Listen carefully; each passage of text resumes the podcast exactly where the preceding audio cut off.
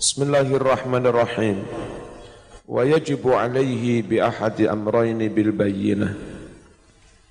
Wajibulan wajib apa cambuk khomer 40 cambukan. Wajib alaihi atas syaribul khomri.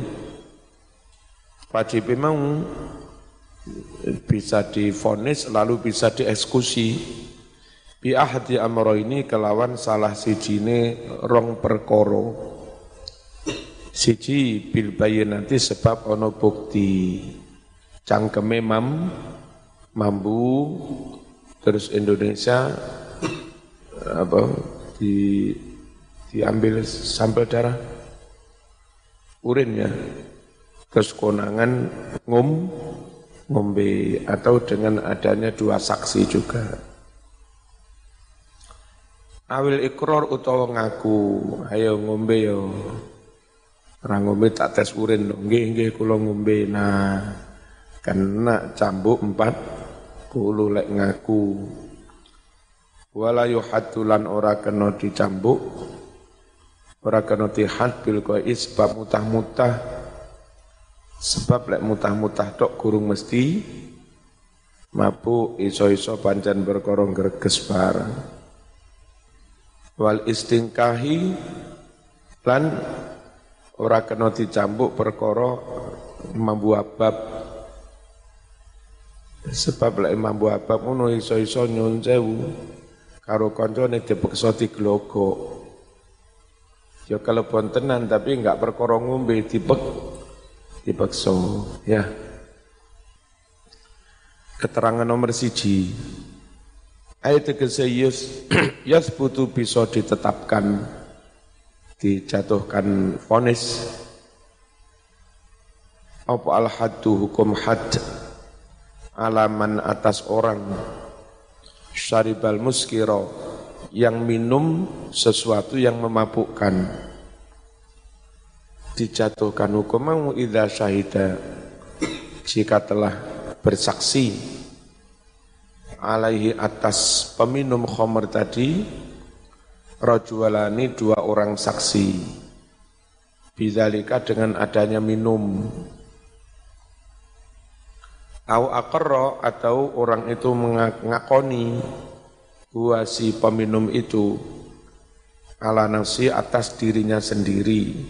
Nggih kula ngombe panjen siap dikepuk Ja'a telah datang fi hadis Muslim dalam hadis riwayat Imam Muslim kalimat begini fa syahida alaihi rajulan. Fa syahida lalu menjadi saksi alih atas peminum khamr itu rajulani dua orang laki-laki lalu oleh Nabi dicam cambuk wal iqraru sedangkan pengakuan oleh pelaku adalah hujatun juga hujah alasan hukum yang kuat. Takumu yang mengganti maqamal bayinati menggantikan saksi. Sehingga bisa dijatuhkan vonis kalau ada saksi atau nga, ngaku. Huwa maknanya istingkah adalah syammu raihatil muskir. Bau. Mencium bau sesuatu yang memabukkan minal fami dari mulut si peminum. Itu enggak bisa dicampur lihtimali an yakuna syurbuhu mukrahan. Karena ada kemungkinan an yakuna ada orang itu syarabahu telah meminum khamr mukrohan halih terpaksa. Au mutorran atau darurat mulai mari keserden ranek banyu timang mati keserden kepeksa minum adanya khamr. Au muktian atau enggak tahu enggak sengaja. Enggak tahu bahwa merek itu memabukkan jenenge santri awam tidak konten ayo yang warung yo paring unjuan yo ngerti lek ngene iku memabukkan ngombe Mari ngono melok mabuk. Wong gak ngerti Mas. Iku kok cap kuntul, cap kuntul itu anu sehat. Karo koncone dikonokne pisan. Dek lugu eram.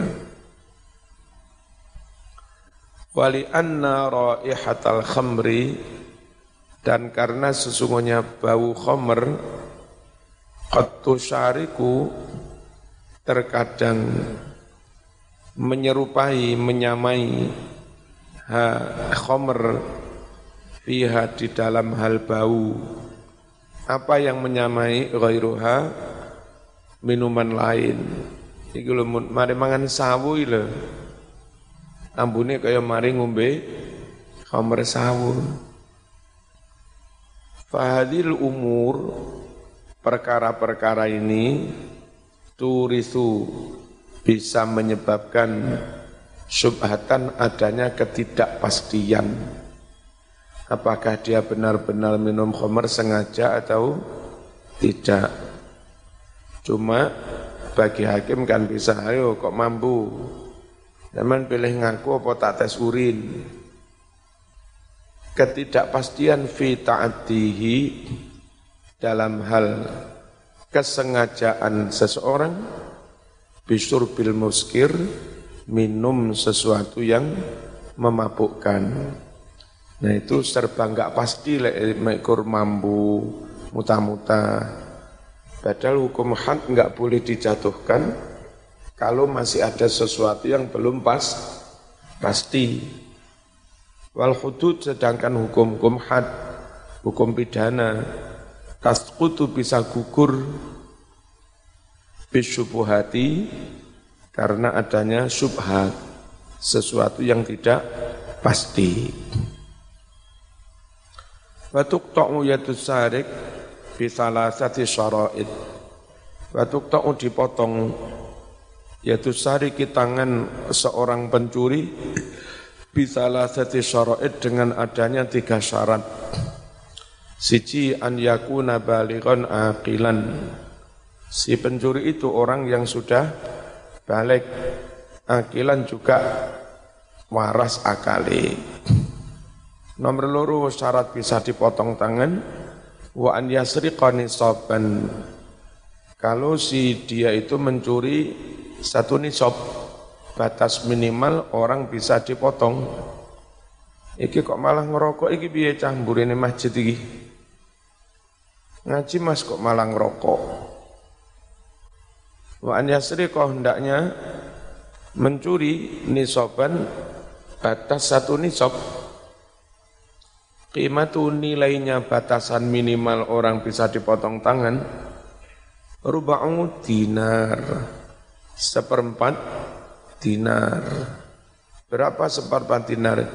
Kalau satu nisob kira-kira 50 juta, eh, satu nisob apa emas perak itu. Satu nisab itu 20 dinar. 20 dinar kira-kira nilainya 50 juta. Kalau satu dinar berarti nilainya kira 2 juta setengah, setengah satu dinar. Kalau seperempat dinar nilainya kira-kira 600 ribu lebih sedikit.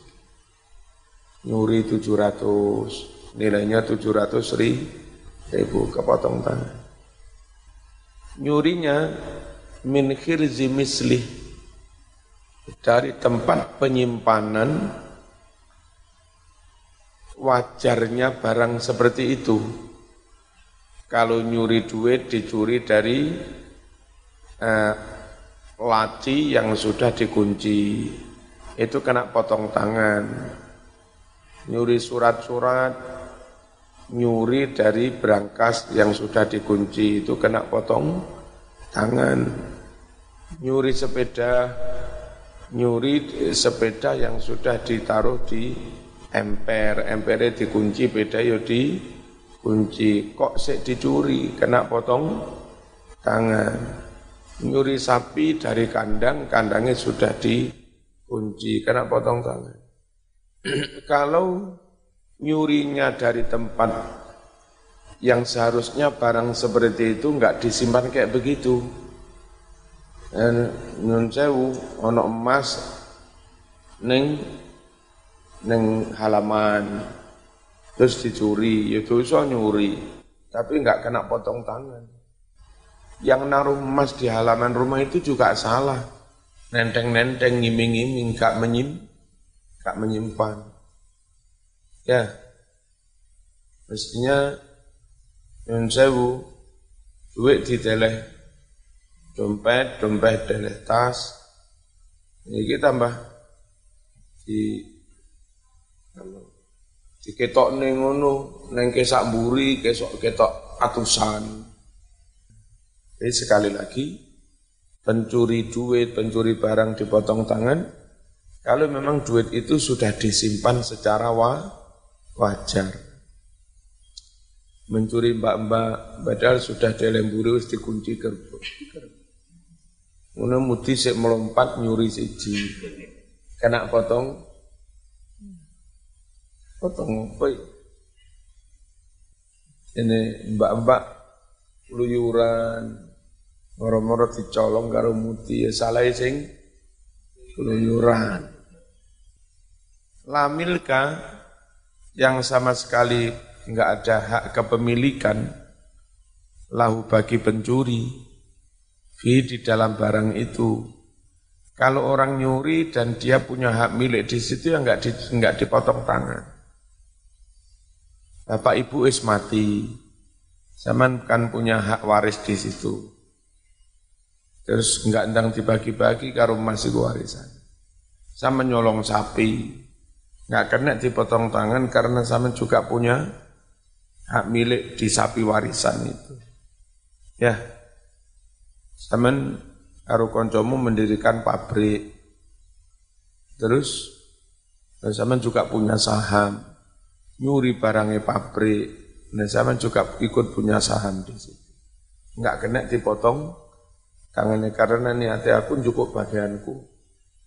Besok aja dibagi longono gak apa Wala syubhata dan tidak ada syubhat ketidakjelasan fi malil masruqi minhu pada hartanya orang yang dicuri.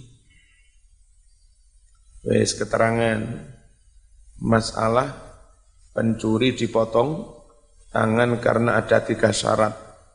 Wal aslu utawi dalil fi hada mengenai hal pencurian ini qauluhu firman Allah taala was-sariqu wasariqatu faqta'u aydiyahuma pencuri laki-laki pencuri perempuan maka potonglah olehmu aydiyahuma tangannya jazaan sebagai balasan bima kasaba apa-apa yang telah mereka lakukan nakalam minallah sebagai hukuman dari Allah Wallahu azizun hakim.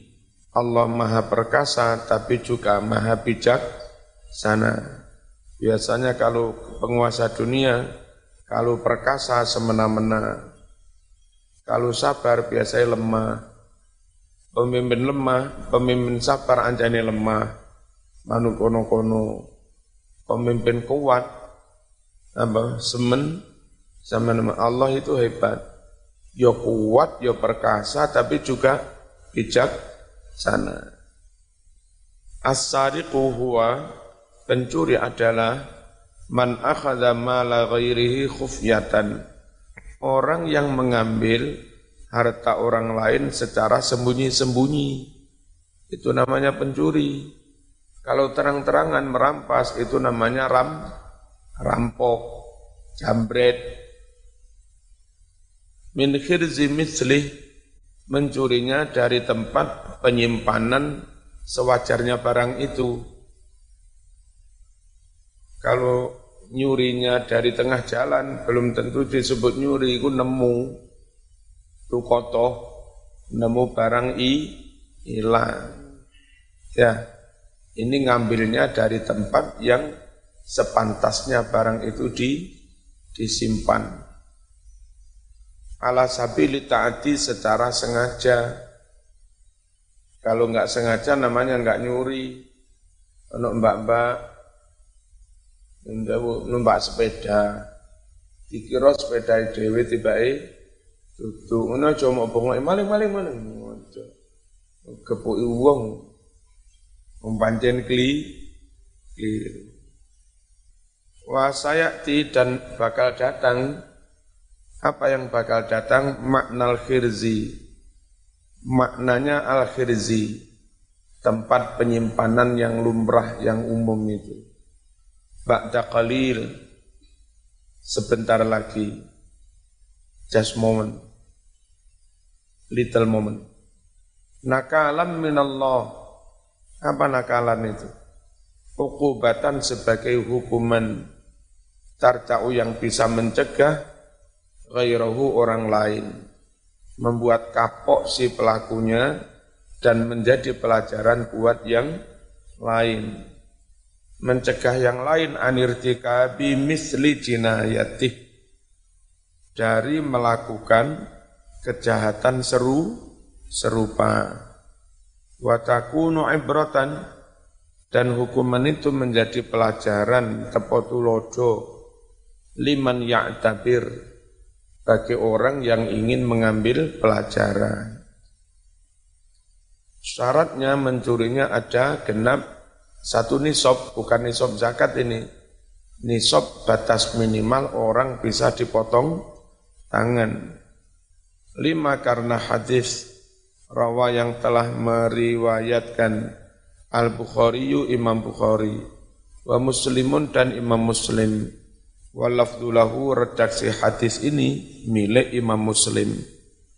An Aisyah radhiyallahu anha an Rasulullah sallallahu alaihi wasallam qala la tuqta'u yadus sariq.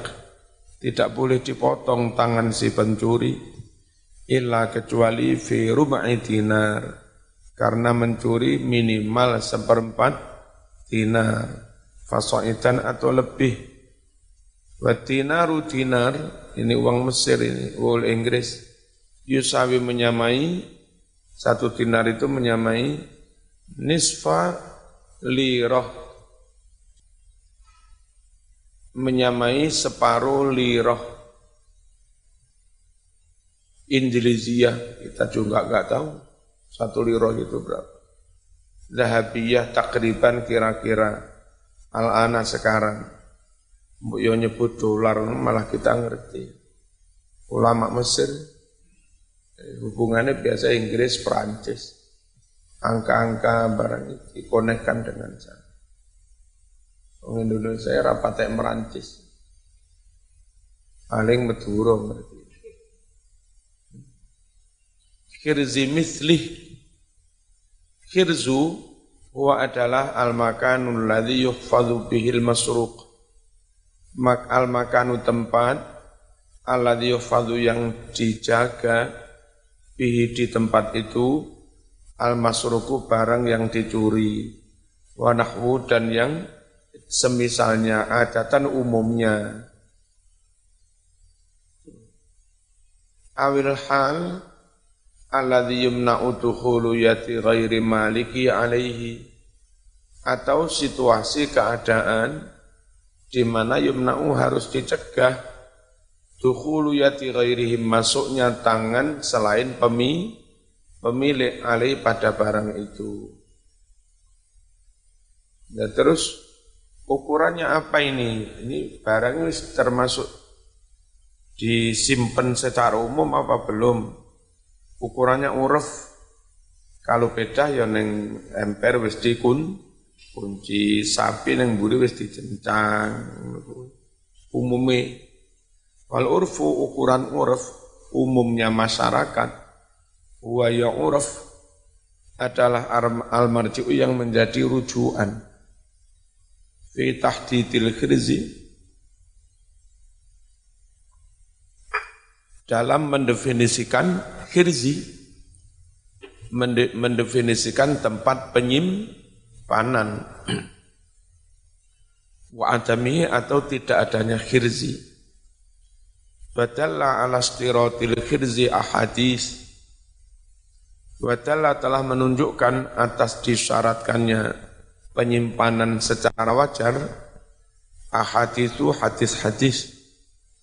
Minha adalah di antara hadis-hadis itu ma rawahu Abu Dawud.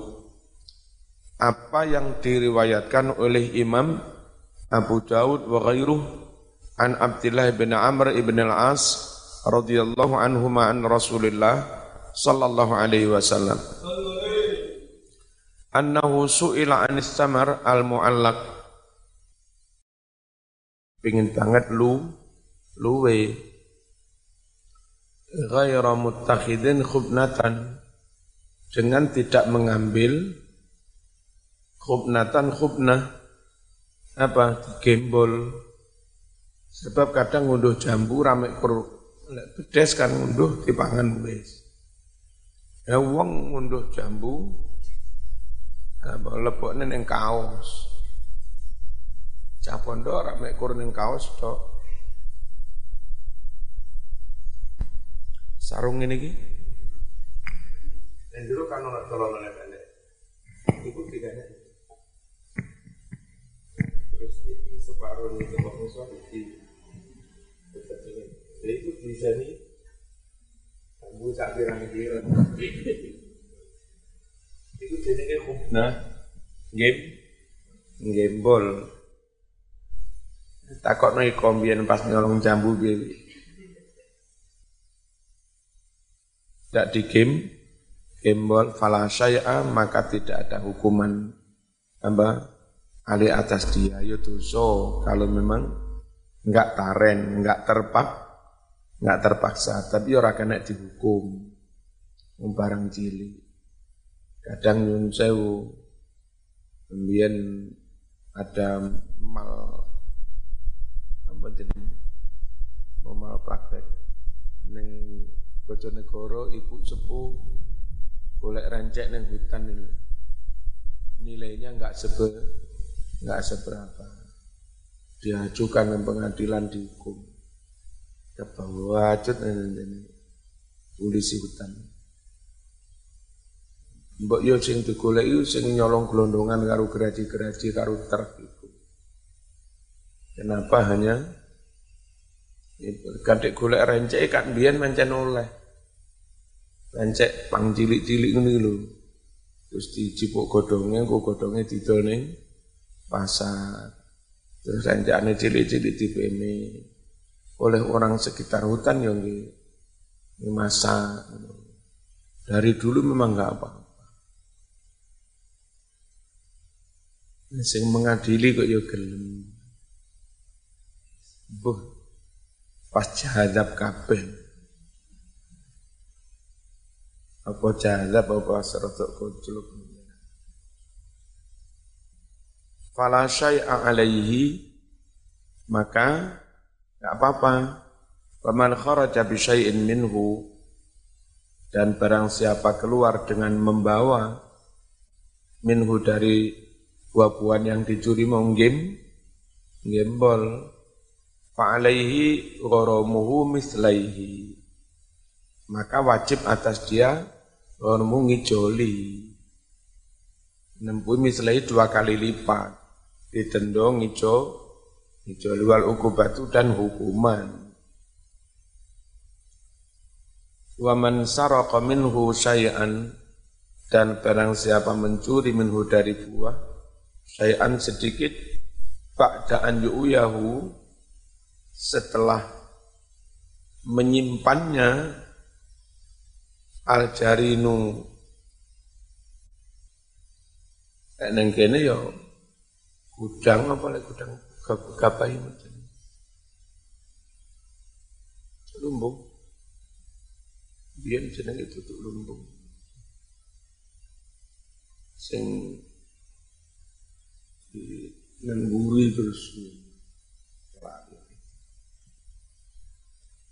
Fabalagha samanal mijan lalu nilainya itu mencapai sama dengan harganya mijan. Mijan itu perisai tameng sama dengan harganya tameng seperempat dinar harganya. fa'alaihil qat'u maka wajib atasnya al qat'u potong tangan. Nyolong buah dipangan dhewe ra kena hukuman. Nyolong buah metu toko kebon game gembol dendo dua kali lipat plus dihukum. Bukan potong tangan dihukum ditakzir. Mungkin tapoi karo sandal bopi ya. Kalau nyuri di tempat padahal barang sudah disimpan di gudang disimpan yang simpan yang wajar. Sik di curi nilainya ada satu mijan. Seperempat di dinar barulah kena hukum potong tangan. Khabnah ia ma yahmiluhu rajul sesuatu yang dibawa seseorang fi thawbihi. Dilebokne ning jero klambine jenenge game gembol al uqubah maksudnya denda dua kali lipat plus uqubah itu at-ta'zir apa? Ya, dia ditakzir ben kapok. Nek perlu kon ngerapi cah sing paling ayu pisan ya kapok. Ya, padha nyolong kabeh. Al-jarin Al-badir ya, gudang wamadan apa-apa fi makna yang semakna dengan gudang. Mimma yakni segala hal tufadu yang memang disimpan di dalamnya asimaru buah-buahan. Wanak buah dan yang semisalnya. Al-mijan segala sesuatu yutawaqabihi yang dipakai melindungi wa dan dipakai menutup menutup diri mindor batis silah dari hmm, apa, pukulan pedang alat yang dipakai e, untuk melindungi diri dari pukulan pedang kalau pas perang. Namanya tameng, peri, perisai. Katursi seperti perisai. Kanat qimatuhu tuqaddar biruma'i dinar. Adalah harganya mijan tuqaddaru dikira-kirakan biruma'i dinar kira-kira seperempat dinar. Menunggui lamil kafi yang si pencuri itu nggak punya hak milik. Kalau ikut punya hak milik yang nggak dipotong tangan. Ayat dikasih fil masruk nggak ada saham kepemilikan pada barang yang dia curi. Kalau kana lisariqi milkun maka jika ada milkun hak kepemilikan lisariki bagi pencuri fihi di dalam barang tersebut kama lau sarokos sarik min mali syirkah sebagaimana andai si syarik syarik itu yang ikut kongsi ikut me, apa, punya sah, saham namanya syarik. Min mali syirkah dari bondone koperasi yang dia ikut punya falakot amaka enggak ada, enggak ada hukum potong tangan alih bagi, bagi dia. Terus eh, ay maksudnya laisa disariki subhatu milkin fi malil masruqi minhu. Enggak ada bagi pencuri itu eh, sesuatu yang mirip-mirip kepemilikan fi malil masruqi minhu pada hartanya orang yang eh, dia curi. Falau kana lahu fi subhatu milkin, andai orang itu punya subhatu milkin, bukan milik tapi mirip-mirip kepemilikan. Misalnya anak nyuri barang orang tuanya, memang milik orang tua bukan milik anak. Tapi jenenge anak loh mas, itu kan ya sak keluarga kayak kayak milik ber, bersama. Lho mosok sak keluar karep mangane taren. Bu, kula ngambil sendok nggih. Arep mangan. Kula badhe sak piring, sendoke ngambil, gelasnya nggih ngambil, piringnya nggih ngambil. Kula lungguh kursi tak izin nggih. Lah ya repot no. Ya. Dalam keluarga itu meskipun itu milik orang tua, anak-anak punya syubhatu milikin boleh intifak boleh mengambil manfaat. Orang kena dipotong tangannya mas. Anak nyolong teko mai dewe potong tangan ngawur. Bapakmu nyolong nakamu mau potong tangan piye kuwi. Kama lau saraqal walid min walati sebagaimana andai orang tua mencuri dari anaknya awil walad min walidihi atau anak mencuri dari orang tuanya falakot maka enggak boleh dipotong tangan. Di subhatil milki karena ada subhatul milki sesuatu yang mirip-mirip kepemilikan. Apa? Bistihqaqin nafkah karena berhak mendapat biaya hidup. Bismillahirrahmanirrahim. Wa tuqta'u dipotong yatul yumna tangannya yang kanan kalau nyolong pertama dan terbukti dan memenuhi syarat. Di mana motongnya? Min mifsalilku dari persendian pergelangan. Motongnya di pergelangan itu. Syukur-syukur nggak langsung dipotong jeret. Ada dokter ahli dimasukkan ke bedah, langsung potong jadi enggak hancur tulangnya. Ya. Ini kapok tenan, sekali iso nyolong mana.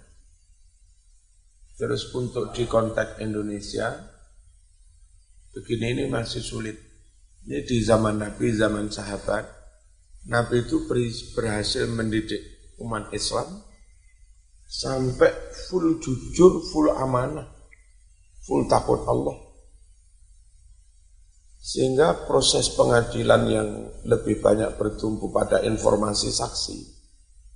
Itu kalau saksi bilang nyuri, ya nyuri benar. Karena saksi ketika itu benar-benar takut Allah. Bohong sak rambut nggak berani. Nah karena saksi kualitas saksi mantep-mantep mas.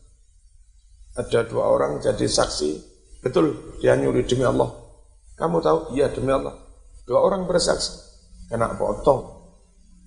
Nah kalau di sini ada sentimen antar kelompok, mumpung sengenai kasus itu, yang saya ngaku neng kampus sih, entah ini. Orang berani menyampaikan kesaksian pal palsu.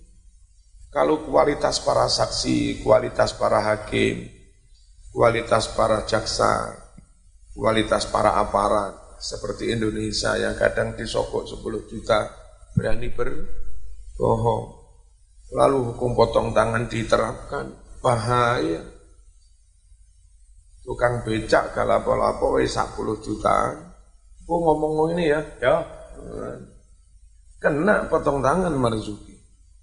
Berdasar saksi secara dohir, hakim nggak salah, wong ono saksi secara dohir seproses dohir sudah potong tangan. Selesai potong tangan, terus ada pernyataan cabut dari saksi. Ngapunten saya kemarin menyampaikan kesaksian palsu. Jadi ini matamu kadung tanganku. Kadung tanganku tugel baru dicabut. Bahaya.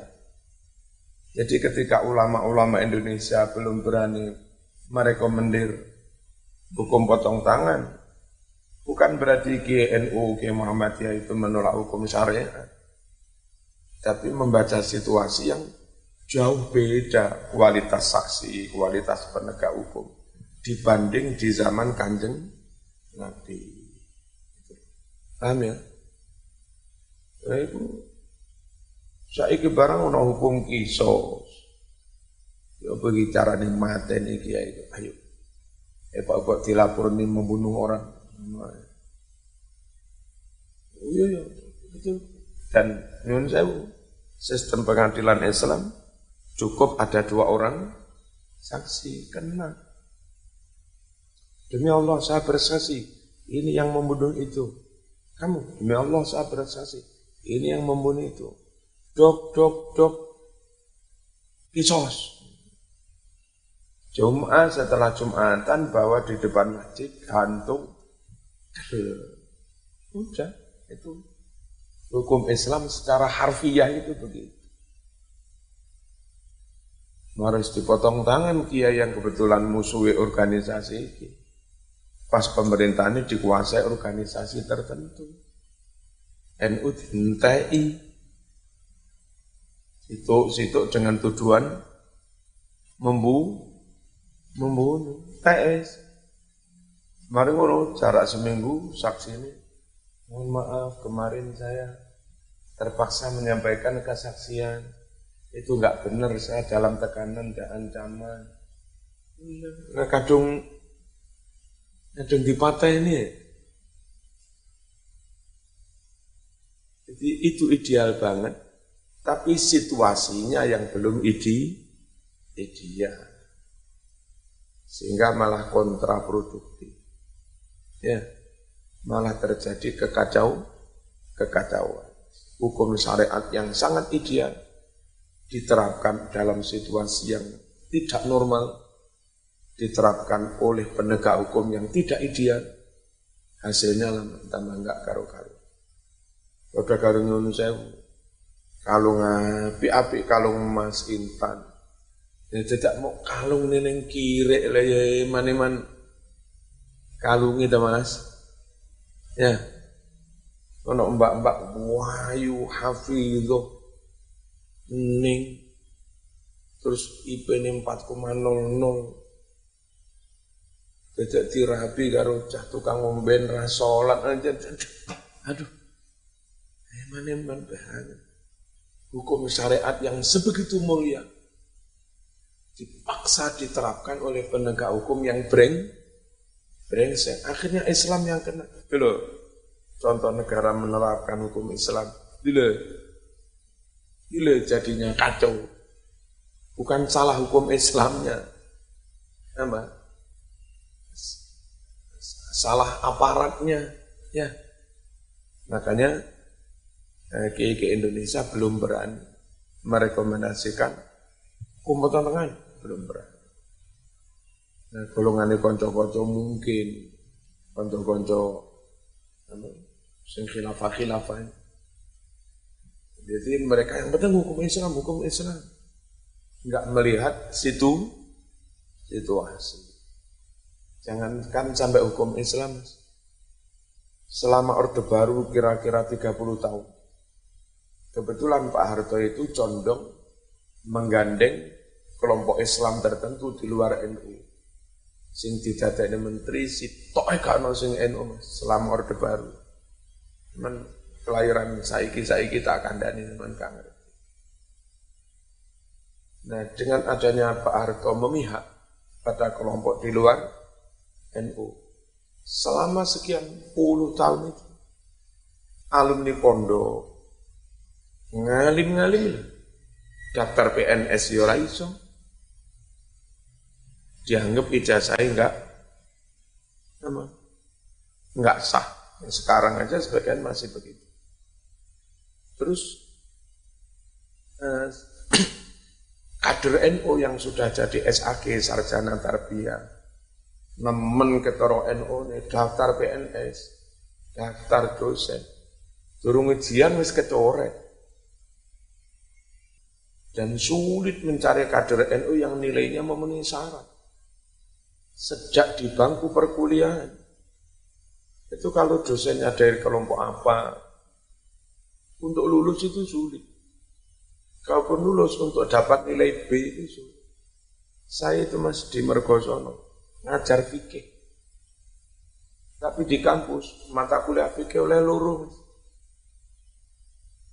Saya guru fikih, di kampus nilai fikih dapat dua. Dosennya dari kelompok lain. Karena begitu. Jadi situasi Indonesia kayak begitu. Begitu berkuasa itu bagi dia kesempatan menghabisi lawan. Zaman-zaman itu sulit nyari kader NU jadi kepala kemenang. Angin. Kader NU sampai jadi kepala alia, angin. Apanya Gus Iski Mas Duki, orang alimnya kayak begitu. Itu sempat diberhentikan dari dosen. Dan hanya dulu suruh jadi karyawan. Di kantor melok noto-noto kitab di perpus. Yang namanya orang kantor karyawan. Apa nganter minuman, kiai.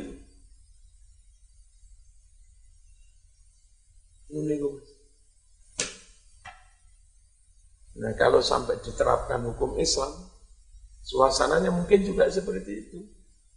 Begitu negara ini dikuasai kelompok tertentu, kesempatan menghabisi kelompok lain. Tahu Kiai Badawi Gadi? Ya, alim banget. Ketua MUI.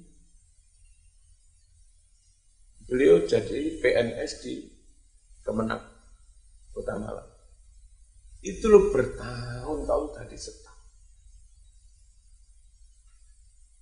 Jadi neng dalam jadi pengasuh pesantren. Neng kantor terima ini jadi setak.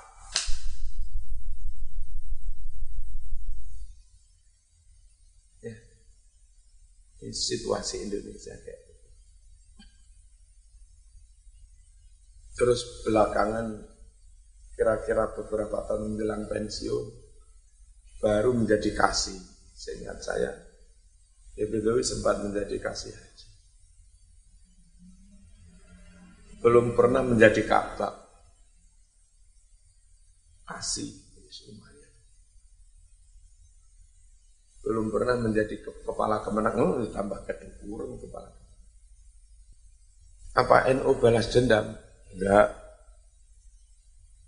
Ketika Gus Dur jadi presiden, itu mengangkat Menteri Pendidikan juga dari kader kelompok lain. Tetap merangkul semua. Kalau NU nggak balas dendam, kenapa oleh Marzuki diceritakan? Ya Gus Dur itu begitu. Gus, apa Gus Dur dendam, Terus dimaafkan apa enggak sih? Memaafkan sih iya, lupa tidak. Itu sebagai sejarah enggak boleh dilupakan, biar menjadi pelajaran. Tapi ya tetap sesama anak bangsa kalau NU tetap memaafkan. Memaafkan pun kalau tahu sejarah, itu tetap berhati hati enggak sembrono. Awas kelompok itu karakternya seperti ini. Awas kelompok itu karakternya seperti ini. Kita nggak memaafkan pendendam, nggak baik untuk sesama anak bangsa. Kita memaafkan tapi lupa sejarah. Baik-baik kita memaafkan suatu ketika lehermu diinjak orang. Nggak baik juga. Ya. Bismillahirrahmanirrahim. Itu mas jas merah. Jas merah. Jangan sekali-kali melupakan saja. Kutu perkara PDI Al eh, alku wa adalah al, al azmu belung tulang annati yang menonjol mimma yalil ilham mimma dari tempat yali yang nyandingi alifham jempolan. Tulang menonjol dekatnya jempolan. Berarti pergel, pergelangan. Fi mifsalil kafi pada persendian telapak tangan mas masa itu dengan lengan. Persendian antara telapak tangan dengan leng lengan. Wadalla ala kaunul yatil yumna. Wadalla menunjukkan bahwa yang dipotong itu tangan kanan dulu. Qiraatu Ibn Mas'ud. Bacaan Qur'annya oleh Ibnu Mas'ud. Faqta'u aymanahuma Kalau Qur'an yang umum Aidiyahuma. Kalau Ibnu Mas'ud bacanya aimanahuma potonglah tangan kanannya. Wahya fi hukmi hadisil ahad. Bacaan Quran oleh sahabat hukumnya sama dengan hadis ahad min haitsul ihtijaju biha. Dari sisi berhujjah dengan bacaan sahabat. Alal ahkam berhujjah untuk hukum-hukum fikih wa inda tabrani anna nabiya sallallahu alaihi wasallam utiya bisarik riwayat Imam Tobroni bahwa Nabi itu dihaturi seorang pencuri. Niki lo Nabi malingi, fakot ala lo Nabi memotong, mana yang dipotong?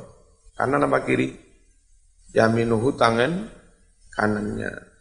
Wa kanul qat'i min mifsalil bahwa memotong itu dari persendian pergelangan. Lima karena hadis jaa yang telah datang. Fi hadisi sariqati Rida Sofyan. Eh, tentang kasus pencurian selendangnya Sofwan bin Umayyah radhiyallahu anhu. Inda tarukudni. Summa amara bi lalu Nabi memerintahkan memotong tangan. Minal mifsal dari persendian pergelangan al-fatihah